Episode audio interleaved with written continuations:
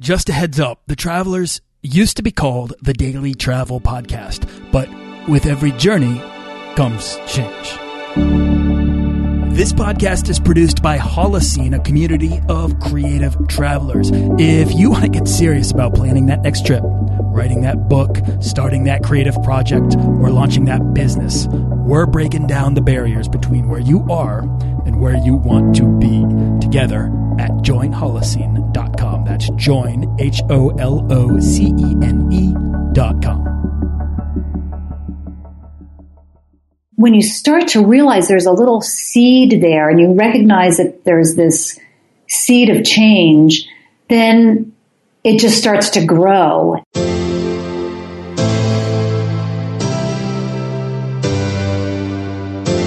This is a series of stories with fascinating people about things unexpected. All those years that I told myself you can't make money in travel, I turned that around and I said, How can I make money in travel? I've got to figure this out because it's where my heart is, it's what I love to do. I'm just going to figure it out. This is the Daily Travel Podcast. So I go on these women only tours. These people become my sisters. This is about going to the limits of our curiosity and creativity and writing the stories that make up our lives. People I would never think I would have had any relationship with, you know, different political views and that kind of thing. This is a show about exploring the world to better know ourselves and about turning ourselves inside out to better know the world. If you have told yourself you can't do it or other people have told you you can't do it, just flip that around and figure out how can I do this?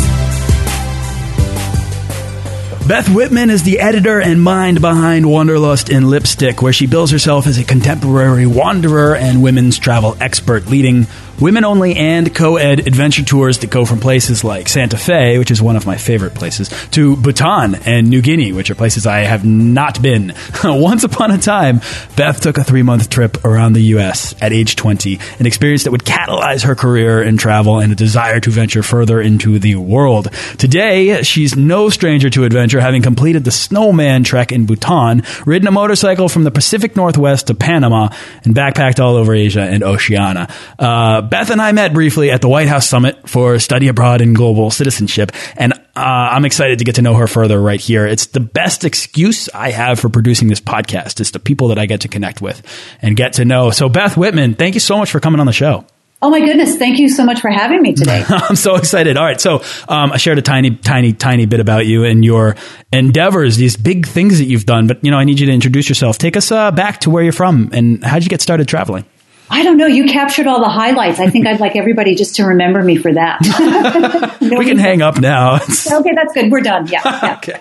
No, actually, um, those are you did you picked like the biggies for sure. Some mm. some really big um, uh, adventures that I've been on, but it, it I won't say it took me a long time to get there, but. Um, I've been traveling for a long time and uh, I grew up in New Jersey. And usually people say, how'd you get started traveling? And I say, have you ever been to New Jersey? like, hey, no slam. My family's still there and I love the pizza and the eggplant parmesan, but it just wasn't my thing. So I got out um, and started traveling and um, just really got hooked, got, you know, addicted. You know, I know that there's like some kind of dopamine, something or other going on in my brain every time I get out and travel. And that's, you know, exactly what got triggered. And, um, I go back either to New Jersey or, you know, eventually I moved to Seattle and I've been here for 25 years.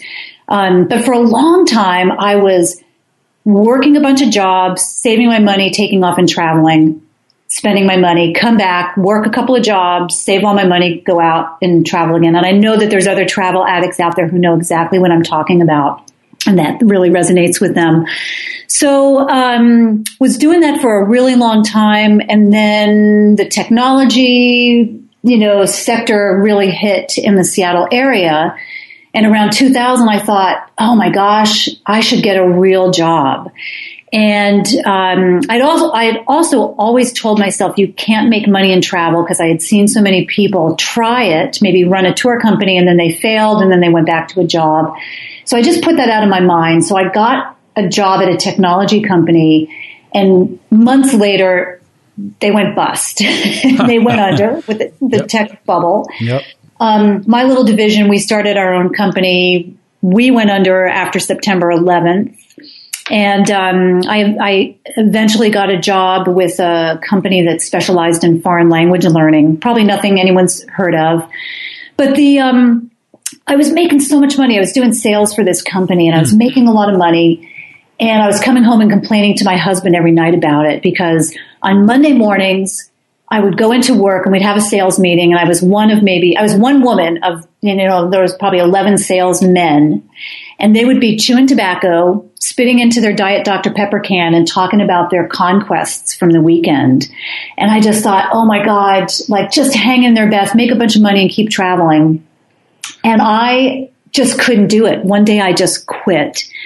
And all those years that I told myself you can't make money in travel, I turned that around and I said, how can I make money in travel? I've got to figure this out because it's where my heart is. It's what I love to do and um, I'm just going to figure it out. So I wrote a book, Wanderlust and Lipstick, the essential guide for women traveling solo, launched a website, wanderlustandlipstick.com, came out with another book uh, for women traveling to India, published a book for women traveling with kids or just traveling with kids. Uh, and then I had people starting to ask me, you should lead tours. If you led a tour, I'd go with you. So then I started doing tours to Bhutan and that has flourished into all over Southeast Asia, Papua New Guinea, um, Bhutan. As it, well, it started with Bhutan, and now I do these culinary tours to Seattle, Santa Fe, and New Orleans. Love it. So it's um, that's the long. You get. You just got the long version. I got the whole thing almost. So I think it's amazing that you started with Bhutan, and I want to get into that because that's not only is that such a big thing to start with, but um, it's also a place I really want to know more about. But um, I guess the, the question is first is this sense that you did have this sort of maybe this addiction to, or you feel it now um, to uh, new experience and travel and that that that that chemical release that you experience at the very edge of what you believe you're capable of doing. And I always find that the addiction lies in rising to meet that challenge of proving yourself wrong, to suddenly come back and say, "I'm not the same person I was before I left." Um, to do those things that scare you just a little, and so that they no longer scare you. And you've done so many things that seem so, I don't know, not uh, typical of somebody that just grew up from Jersey. Um, so I'm wondering what it was about you, Beth. Like, what is it? What was the experience or the desire that made you question in the back of your mind for so long that maybe I could make a career out of travel? Yeah, because I hated my job so much. so, and, and so I really believe that people don't make decisions until the pain or the fear of not doing it overcomes the fear of doing it. So that job became so painful for me and so miserable, no matter how much money you threw at me, that I just thought, I've got to get out of here and I've got to figure out how to make travel work. Of course, with the support of my husband, because he's saying, like, what are you doing? You got to do something in travel, write a book, you know, because you've got all these great stories. So, um, so then when you start to when you start to realize there's a little seed there and you recognize that there's this seed of change then it just starts to grow. And then the thing that you are doing that you don't like just becomes so much more obvious. Like oh my god what am i doing here? What am i doing amongst these people and this environment? I need to be out of here because it's not healthy. And then you just channel that into what's going to be better for you how, at this point, how much travel had you done up in, you know, up until this, dis, this sense of discontent? Oh, I had done a ton of travel. So I had backpacked for a year in 92 um, through Southeast Asia and Australia. Um, I had done the motorcycle trip from Seattle to Panama in 97. I had driven to Alaska twice. I had driven all over the country. I'd been all through Southeast Asia multiple times. So I had done a ton of travel, but there was this part of me that thought, you got to get a job, be a normal person and get a job. So, and this, and there was all this technology going on in Seattle and I didn't want to be kind of left behind. Like I didn't want to be the dumb person standing who didn't know how to open a browser window, you know? So, um, so yeah, so I got this job at a tech company, um, which I mentioned had folded, but um, so I'd done a lot of travel, tried the cubicle thing, and it just wasn't in me. Just, just it was not a good fit for me. So then I just had to figure out how to make it work in travel. So, given how much you hated it there in that job, what was the resistance? Like, what took you so long to finally say, okay, you know what? I quit. I'm going to go for it. Uh, well, I was holding on to the money um, because I was in sales, making great money. And so I just thought, you know, Beth, if you can just do this maybe for five years, um, you can save money, you can buy some properties, rent them out, have multiple streams of income, and then go travel and have this passive income, like through real estate, you know, through uh, rental properties. Mm-hmm.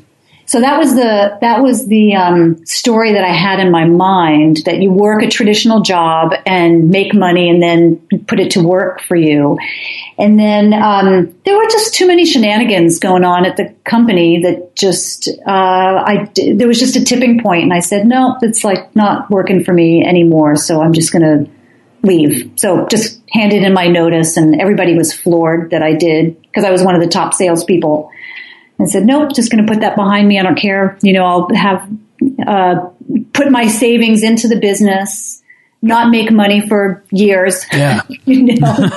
so, I mean, then a book and then a website and then a book later. And now you're doing tours to Bhutan. And that was the first place. So why would that be? Why was that the first place? Had you been there already? No, as a matter of fact, I had a friend call me. So I had the book and I had the website. And a friend called me and he was doing tours as well, just mainly for friends and family. And he said, Hey, how would you like to lead a women only tour to Bhutan? And I said, mm, Where's Bhutan? I had no idea. and so this is about eight, eight years ago. And uh, so I looked it up and I said, Look, I'll do the tour, but it has to be co ed because John, the hubby, wants to come with me. So um, I did this co ed trip and I was like, This isn't so bad. And I was able to, it was sold out. And then I thought, you know, I think I could do this. I have connections in India and I've got connections in Southeast Asia and I know Vietnam really well. So I can kind of branch out and start offering these trips. So really what I've done is I have, I get questions all the time from people of like, why don't you do, you know, this country or that country? And it's like, well, uh, my heart's not there. So really what I do is I find a place that I love so that I can talk about it authentically and get excited about it. And that gets other people excited about it. And then before you know it, you know, the tour is sold out and we're having a great time together. How big was the book for getting this going? Because at one point you must have said, this is working. You know, I actually can make a career out of travel. Um, and I'm wondering how that comes about happening. Was it was like when people are asking you, "Oh, you should do tours"? Is that because they read your book? Is that because they're following your website? What was the manifestation here? You know, that's a really good question. And um, I just like knock wood, that book came out in early 2007. So it was before the recession really hit. And it was also when people actually went into bookstores and bought books.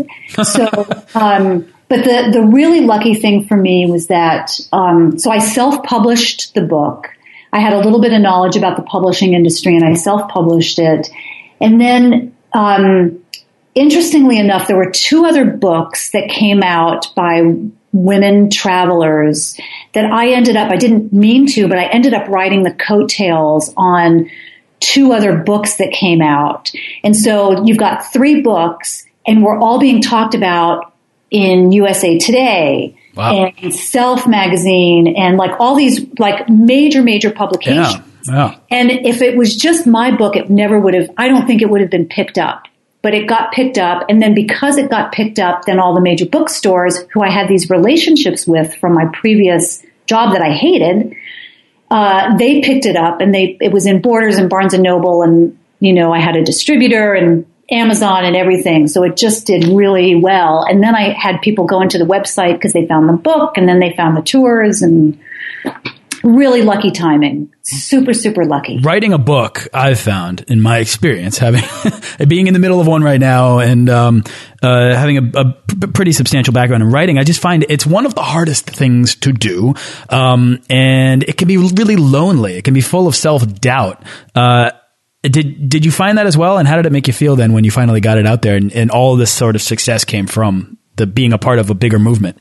Oh yeah, I can totally see why like the great writers are alcoholics and heroin addicts, you know, whatever they are. I don't know. Mm-hmm. But uh, I can totally understand that because, I mean, me, I got through it like uh, running um, episodes of Law and Order in the background, you know, like streaming yeah. stuff and sitting down and because mine's a you know, mine's a how-to book, really. So it's not a memoir that I and that not that my book did not take a lot of concentration, but um, it was a lot of research. And I think when you've got research, you know, you can have other things kind of going on in the background there. Um, so yeah, it's uh, it was hard. It was, and it's it takes a lot of discipline. But I just, you know, I. Um, just knew that that's what was going to take me to the next level or take me to any level really to get any kind of recognition as a you know women's travel expert or anybody in the field of women's travel to recognize me i knew that i had to get the book out so i was really really motivated to do that and then since then you've been leading tours Have, has this been kind of a, a nonstop thing for you or the uh, tours yeah is it the, at the heart of your business well uh, it's kind of hard to say that. So, so really, I have the tour business under okay. wandertours.com, and then I've got wanderlustandlipstick.com. Mm-hmm. And so, um, I have far more traffic and kind of things going on with Wanderlust and Lipstick. And I've got about 25 women who blog on the site as well, and a couple of dudes as well, Wander dudes. but I've got about 25 people who are blogging on the site. And then, then the tour aspect of it. And, um, you know, uh, they probably both generate maybe around the same level of income. Um, so it's, you know, it's about half and half, but, um, I, and then I'm, I don't lead all the tours. I've got a, some other people who lead tours help me out with that because I just can't possibly do all of them and run the business. Right. So, um, so yeah, uh, between the two of those things, it keeps me quite busy. Yeah, well, Wander Tours is. I mean, uh, first of all, great name, love the name. Um, and, and we've kind of briefly touched base on this offline, but it's also like the idea of starting a business around tours. It sounds amazing. And then you start thinking about it and all of the moving pieces, the sort of customer service aspect of it, the uh, logistics of, of delivering an experience. And then on top of that, the opportunity to travel with you, um, which is, I guess, not always the case. How did you find this challenge to be? Was it a natural fit for you? Was it something that you found you were really good at? Or is this something that you've learned to become better at over time? Oh, I learn every day to become better at it for sure. And I think about those poor people who went on the first trip with me. They're like, no, I'm still friends with those people, and they and they say, "Wow, we thought you'd been leading tours for a long time." And I'm like, "Are you kidding me?" I have like no idea what I was doing. But I just I approached it. Um, uh, and I and I do approach all the tours as kind of like I'm the cheerleader, you know, getting people excited about the destination and excited about each other and, you know, the activities. Yeah, it is, it's, it's challenging because there are a lot of moving parts and a lot of details. But I always work with a, uh, well, for all the international trips, I work with a ground operator who takes care of all the logistics. So hotels and buses and transportation and food and that kind of thing are all kind of mapped out for me. And then I just think like when I'm creating a new tour, I think, what would I like to do? And then how would I like to be treated as a tour participant and kind of involved in the process and what kind of information would I like? And then I just try to create that I try to create the experience that I would want and then I provide that for other people. And you know, like frankly, there are some people who just like don't like what I do or they maybe they don't like the experience, but the vast majority do and they keep coming back and that's like that's a sign of success. And if people don't like how we put together a tour, then that's okay. They can go find another company. Like no ill will there. That's totally fine. But um, but for the majority of people, I think they they totally dig kind of how we put together our tours and have cultural aspects and a giving program. So we're always giving back to the local communities and that kind of thing. So yeah, I think I've always been infatuated with this idea of um, providing an experience that someone is looking forward to all year, right? And that they can continue to keep coming back for that thing, that thing that they don't get in their regular life that you're able to give them. Right. And you know, travel is like so ingrained in like in my cells, you know, like in every just part of what I am made of, that I forget that this is for some people it's really once in a lifetime, you know, like a their big chance. Because to me it's like, oh yeah, okay, well let's see, I'm leaving for Thailand tomorrow. I better start packing. right. Right. Yeah. Oh yeah, and I just I'll share with you um, uh, my tour guide uh, who's in Cambodia right now, just finishing up with a group. She just sent me a video of this woman who said she was talking about the experience, and she said, "You know, I don't have a happy life at home, and to come here." I feel so happy. Like this is just so great to have had this experience. And, um, and I just forget that, that there's a, like I have a great home life and I love Seattle and it's, life is freaking good. life yeah. is great. And um, I forget that not everybody has that, and that time away is like is so precious to them. So I really just want to make sure that they get the best experience that they can have, and that they'll have memories for the year until they can go take another trip with me or someone else. I love that. I mean, so often, I, and I, this is something that I can relate to. It's not that I don't have happiness at home. It's just this idea that there's this, this side of yourself that you return to every time you go out on the road. Um, yeah. That you have to depart away from the routine uh, yeah. in order to sort of uh, reawaken or remember who it is that you perhaps truly are underneath all of the formality. Um, and travel really provides us with that sort of venue to uh, explore ourselves further or uh, challenge ourselves and uh, become a better version of ourselves and so forth. I agree with that. And one thing that I, I'm going to get on a little soapbox. Love it.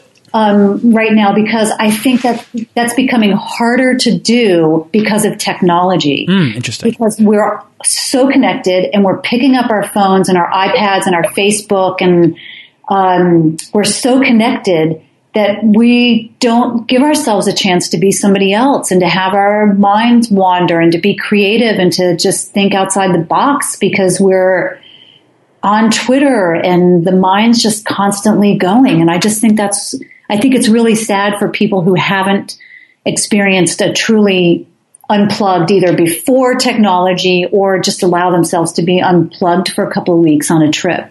Yeah, you know, I think that makes a lot of sense. So I'm a huge technology fan just in general because it makes life easier, makes life better. It, it connects us. It, it makes uh, uh, travel safer in so many different ways. At the same time, it really can. If you don't disengage from it, it can homogenize experience.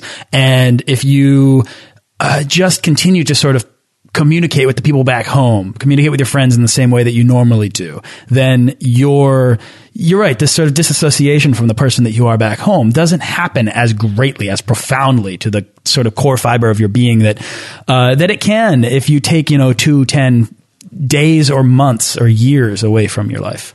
Right. Um, yeah. I'm uh, yeah, I'm right there with you, and I think it's a it's a matter of being mindful about your approach to travel and technology. For me, I love like there's so many so so many people are saying, you know, did you get your SIM card for your phone, or do you have your data plan? And I just I am such a big fan of um, not doing that, right? Like not even I mean I'll bring my phone or I'll bring my computers, of course, because I'm I'm writing or I'm recording podcast episodes or whatever. But the fact is, is that you have this opportunity to unplug and there is a therapeutic aspect of doing that that I value so greatly. Yeah, yeah, I absolutely agree. So, Beth, uh, let me ask you then: is that is that your favorite? I mean, is that the thing that you love most about taking people on these experiences? Is this sort of opportunity for people to re-engage with themselves? Mm, yes, that's part of it.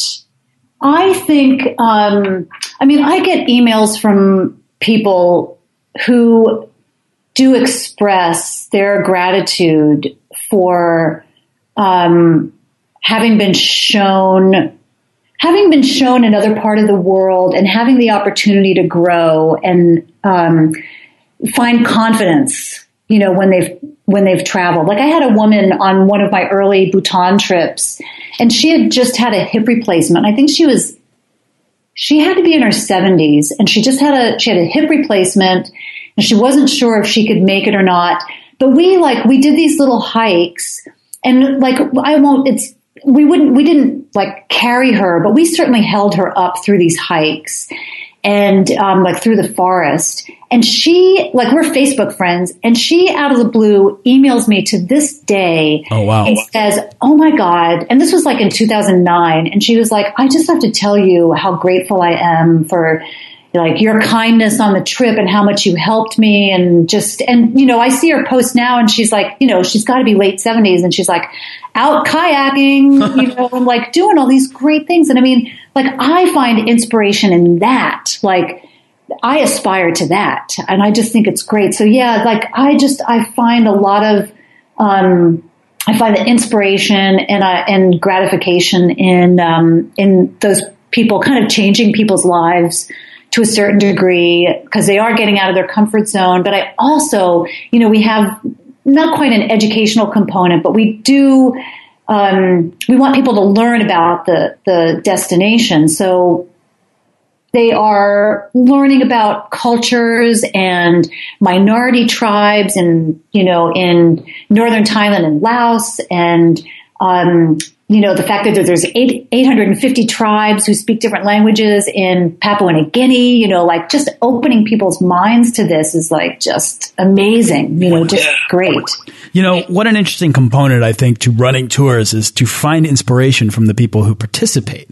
I'm thinking more transactionally, right? Like someone pays you and they go out and they have this amazing experience, but this idea that someone might pay you to come on this trip and then the change they have or the things they do or the stuff that they create from it could inspire you further. I think that's amazing. That's really, I'd never thought of that. Oh yeah, absolutely. And it's, and it could be, it could be different.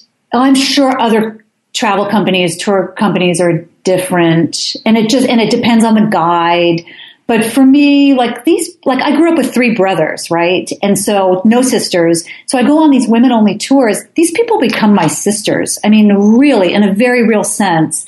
They are my friends and my, my sisters and people I would never think I would have had any relationship with, you know, different, uh, political, you know, views and that kind of thing and I just think they are really great human beings, and um, and that's I'm like I'm the luckiest person because I get to meet these people from mostly all over North America, but in, in other countries as well, and I stay in touch with them. Yeah, you know, I think it's really important. One of the things I've found in doing this show and in writing and in being online and sending emails between people that listen and stuff, I think it's really important if you want to do something that is wholly rewarding it's really important to fall in love with the people that you're trying to serve, right? Like, so in your case, you're speaking so highly of your own customers, which is amazing because it, it, it, creates this sort of human interaction and this more honest thing. I mean, you're getting supreme satisfaction. Life is good for you, as you say, because your, your transaction is not just a monetary one. It's this actual experiential, transformational, um, inspirational one. Right. Yeah, absolutely. So cool. it, it just, it bugs me so much when I hear people say, oh, I don't know how you could like do a women only tour. Aren't you all just like fighting for the best seat on the bus and the window seat? And, you know, everybody's so catty. And it's like, no, because we really don't put up with that. You know, it's like, um, we set a certain tone, you know, that we're there to do something specific. And that's like to visit the culture and get to know the culture and none of this other stuff really happens, you know, because it's just not, it's not the tone that we set. Yeah, amazing. Well, yeah, I mean, you have to. Uh, uh, I mean, actually, let me ask you that. Let me ask you logistically about this because I'm a little curious. But like, um, are you always there at the beginning of these new trips when you add new trips? And okay, so then that would be how you find and vet ground handlers and and, and logistics operators. Yeah, I usually go and do the research first and then um, then come back with a group. Um, in some rare cases, like I'm actually doing a trip to Africa in early 2017. Great. Do you know where? Uh, yeah, Tanzania, and I'll do a Kilimanjaro hike. Oh. Added onto it. Yeah. it's co-ed. So what are you doing? Yeah, I'm thinking already. yeah. So um, I'm working with a, a, ground operator. She's from Vancouver, uh, Vancouver, BC, and I've known her for a long time and she's been doing tours there for like 20 years. So I'm, she's actually doing all the logistics and I'm not doing an advanced tour mainly because of the cost. It helps me keep my costs down. So I'm going to bring a group of people, like kind of inaugural group of people and they'll, it'll mostly be people that have taken tours with me before. So they, they get it and we'll go explore on our own. They'll kind of accompany me on the trip and we might have some hiccups and, you know, but you set those expectations and people are good natured and they roll with it. So that's great. Yeah. Yeah. Cause I think that's important. Obviously the stuff, um, the, the best stories happen from, uh, unexpectedly to us, right? From the people we meet and the ways in which we help each other find our way. I think that story of helping that woman through the, the jungle there was, uh, yeah. uh, was like the perfect example. I mean, it's almost right. literal. Um, but I think that's yeah, it's really interesting because if you can set an expectation, this this is travel, right? Like this is uh, it's it's it. The whole point is that it doesn't go according to plan because when we're unplanned, that's when all the magic happens. Right. Absolutely. Hard to convince people of that, but I would imagine that if they're traveling with you, there's an element of trust. Yeah, definitely there is. And, um, you know, a good tour guide or tour operator doesn't let the group know that stuff just went sideways. a sign of a truly good operator. You, you kind of hide that and you, you know, put a good spin on it and try to figure out a way out of the the mess. I love it. Well, clearly you've been up to it. So Bhutan, I want to ask you about because this was the place that you started. It's one place that you haven't let go of. Now, I would imagine that's because I don't know, you probably have systems in place. It's part of your business, but also there's probably something about this place that uh, spoke to you as being both the first place and the catalyst for a whole career in this. Yeah, yeah. Um, Bhutan is a really special place. And, you know, usually when people say like, oh, where's your favorite place to travel?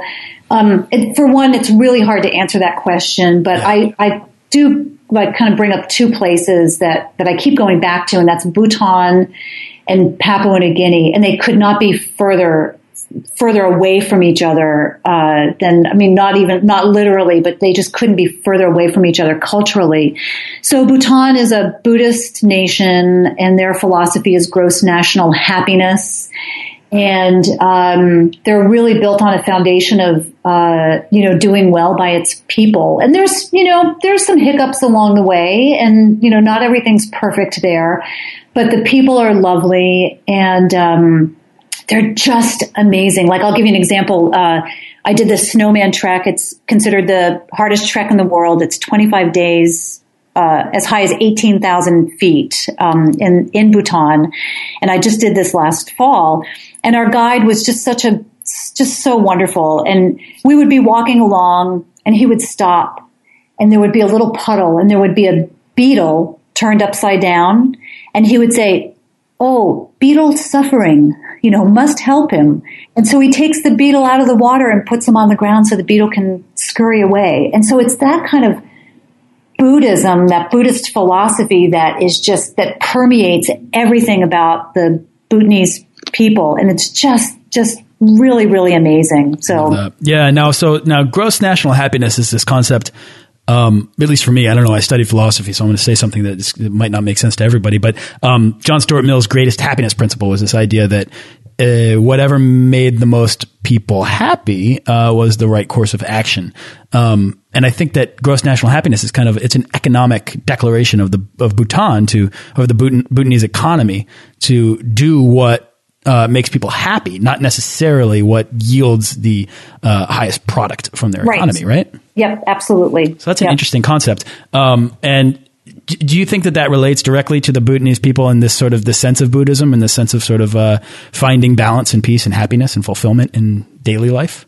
Yeah, absolutely. I think they they make choices based on um, right what's best for their family and their community, and not necessarily what's going to put more money in their pocket. And some of that's changing, and it's not just tourism that's making the change. You know, there's there's some things that are happening in the country that um, there are pockets and communities and cities that um, that aren't quite following that. But you know, that's mm-hmm. I think that's just part of the part of growth and part of change and a little bit of westernization yeah. there. But yeah, I think for the vast majority, that's that's uh, that certainly rings true. So how have you? How has Bhutan most affected you then as a person back home? Like how have you applied the lessons or experiences of your time spent in Bhutan to your time spent in Seattle?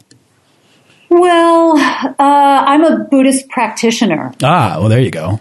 Yep. So I've been um, I've been reading and studying Buddhism for a long time, and and I actually had attend a Buddhist temple here in Seattle, and that's been for about five and a half years or so. So um, I I relate to those principles and appreciate those principles already. But it's certainly when I'm out for a walk um, and I see a worm squirming across the sidewalk, uh, I'm certainly more likely. I certainly think of the beetle in the water and I think, you know, oh, worm suffering, you know, and go place them on the ground. So I think that there's, there are little ways that I can just, um, take a pause and um, think about other people and sentient beings and um, how I can improve, you know, situations, improve myself so that I can help other people and, you know, just help the world. And you know what? I'm, you know, I'm not always successful at that, but, um, but I try and it's certainly kind of an underlying principle. And I think a lot of that, it doesn't come from Bhutan, but it certainly resonates with me when I'm there and I feel full. After I leave Bhutan, I'm like, oh yeah, that's just like, that's so amazing. Mm.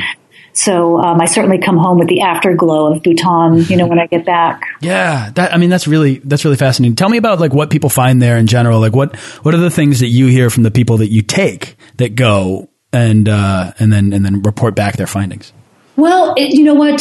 Some of it is just intangible. It's like you get off the plane in Bhutan, you yeah. land at the airport, and people come off the plane crying because it is so beautiful just to land at this little tiny airport that I think from the moment you arrive, it's just, it's a little overwhelming. Wow. So that's the start of it. Wow. then you meet these guides who are just beaming. Our guides and our drivers are just really, really sweet people. And you just think, oh, like just people are so kind and so gentle and um, and then you're just surrounded by beauty. You know, you're just surrounded by. Um, for those who've been to the Pacific Northwest and the Seattle area, I always I describe Bhutan as like the Pacific Northwest on steroids. It's just green everywhere, wow. just gorgeous, and you've got this you know beautiful architecture.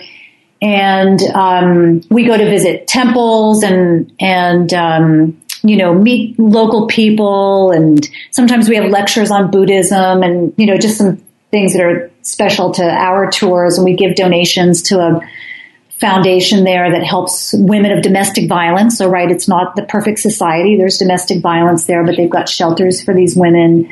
So, um, yeah, the, the takeaway is just like the peacefulness and uh, the beauty and just the gentleness of these people. It's just amazing. Mm, that's amazing. I mean, it's just to be able to go and experience a place that can resonate with you in those different ways.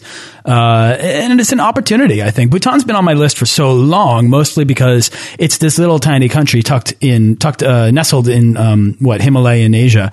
And, um, I don't, it, it, all of a sudden it was like, I, I, can't remember the day, but I remember the thought of noticing it on the map and saying, "What's that doing there?" Because Nepal has has always kind of um, been attractive to me, and now north uh, northeastern India and Himalayan India is really interesting. But then there's this this idea that there was this whole other country there. What is it? The more I looked into it, the more I began to hear things like what you're saying that it's this beautiful, happy Buddhist um, place with nature and temples and, and, and a completely vastly different culture than the surrounding countries. Yeah, it sure is really very different. And they've, you know, they've been isolated for a, for a long time from the rest of the world and they're opening up to a certain degree um, out of necessity because they don't want um, to have happened to them what happened to Tibet. So they are, they're making outside alliances with other nations and with the UN um, so that they can have some protection if there was ever, you know, an invasion, let's say from China. Um, and they worry about India as well. And then they worry they they worry about what's happened to Nepal in terms of all the backpackers coming in. So there's a there's a um, daily kind of government imposed fee to go to Bhutan. So it's very expensive. It's a minimum of $250 a day, but that includes hotel and a guide and food. Um, so it, it, it keeps the backpackers out. Mm-hmm. So um, they're really trying to preserve their culture and in, in, their environment, and they call it low impact, maybe high quality. Um, so they just don't they don't want to lose their culture and their environment. So they keep the numbers down um, by this high daily tariff. Interesting. Yeah, that's a that's a, a complication I think that comes with uh, tourism as it grows and grows. It's such, it's I mean it's the world's biggest uh, market, right? World's biggest Right. industry. Crazy. Yeah. So Beth, this has been really interesting. What's next then for you and Wander Tours and uh, Wanderlust and Lipstick? What is next? Tanzania, I guess. Yeah, Tanzania for sure. I've um, I've got a yoga tour to Bhutan. I won't be leading it, but I've got a gal who's going to lead a yoga tour to Bhutan uh, early next year, which I think will be just a huge thing because it kind of brings in that spiritual element um, right to the group. You know that they're feeling, you know, by being in Bhutan itself because it's such a spiritual place. And um, I'm always looking at new destinations in terms of wander tours. I'm we'll probably do Ecuador and Peru, some kind of a hiking adventure, and I need to get down there to do some research for that. Um, it's rough life. I have to go do research. That sounds like the best part of running a tour right. business is the part where you get to go try things, write them off, and uh, travel on your own too. Get back to that thing that that sense of being that you were talking about that you Right, kind of right. rediscover Well, when you get out there. Yeah, but the nice thing is that um, John and I, we've got, we kind of have the this pattern down now where we go do the research together, so it gives us a chance to travel. That's perfect. Yeah. and then uh, help kind of develop the tour, and then come back, and then then I sell it as a, a women only, or in some cases the co-ed trips. So yeah, always looking at new destinations, and um, I also I, I write for Expedia um, on their Viewfinder blog, and we, we're going on a summit uh, soon to Maui, which will be just great. It'll be my first time to Maui, so again, kind of rough life.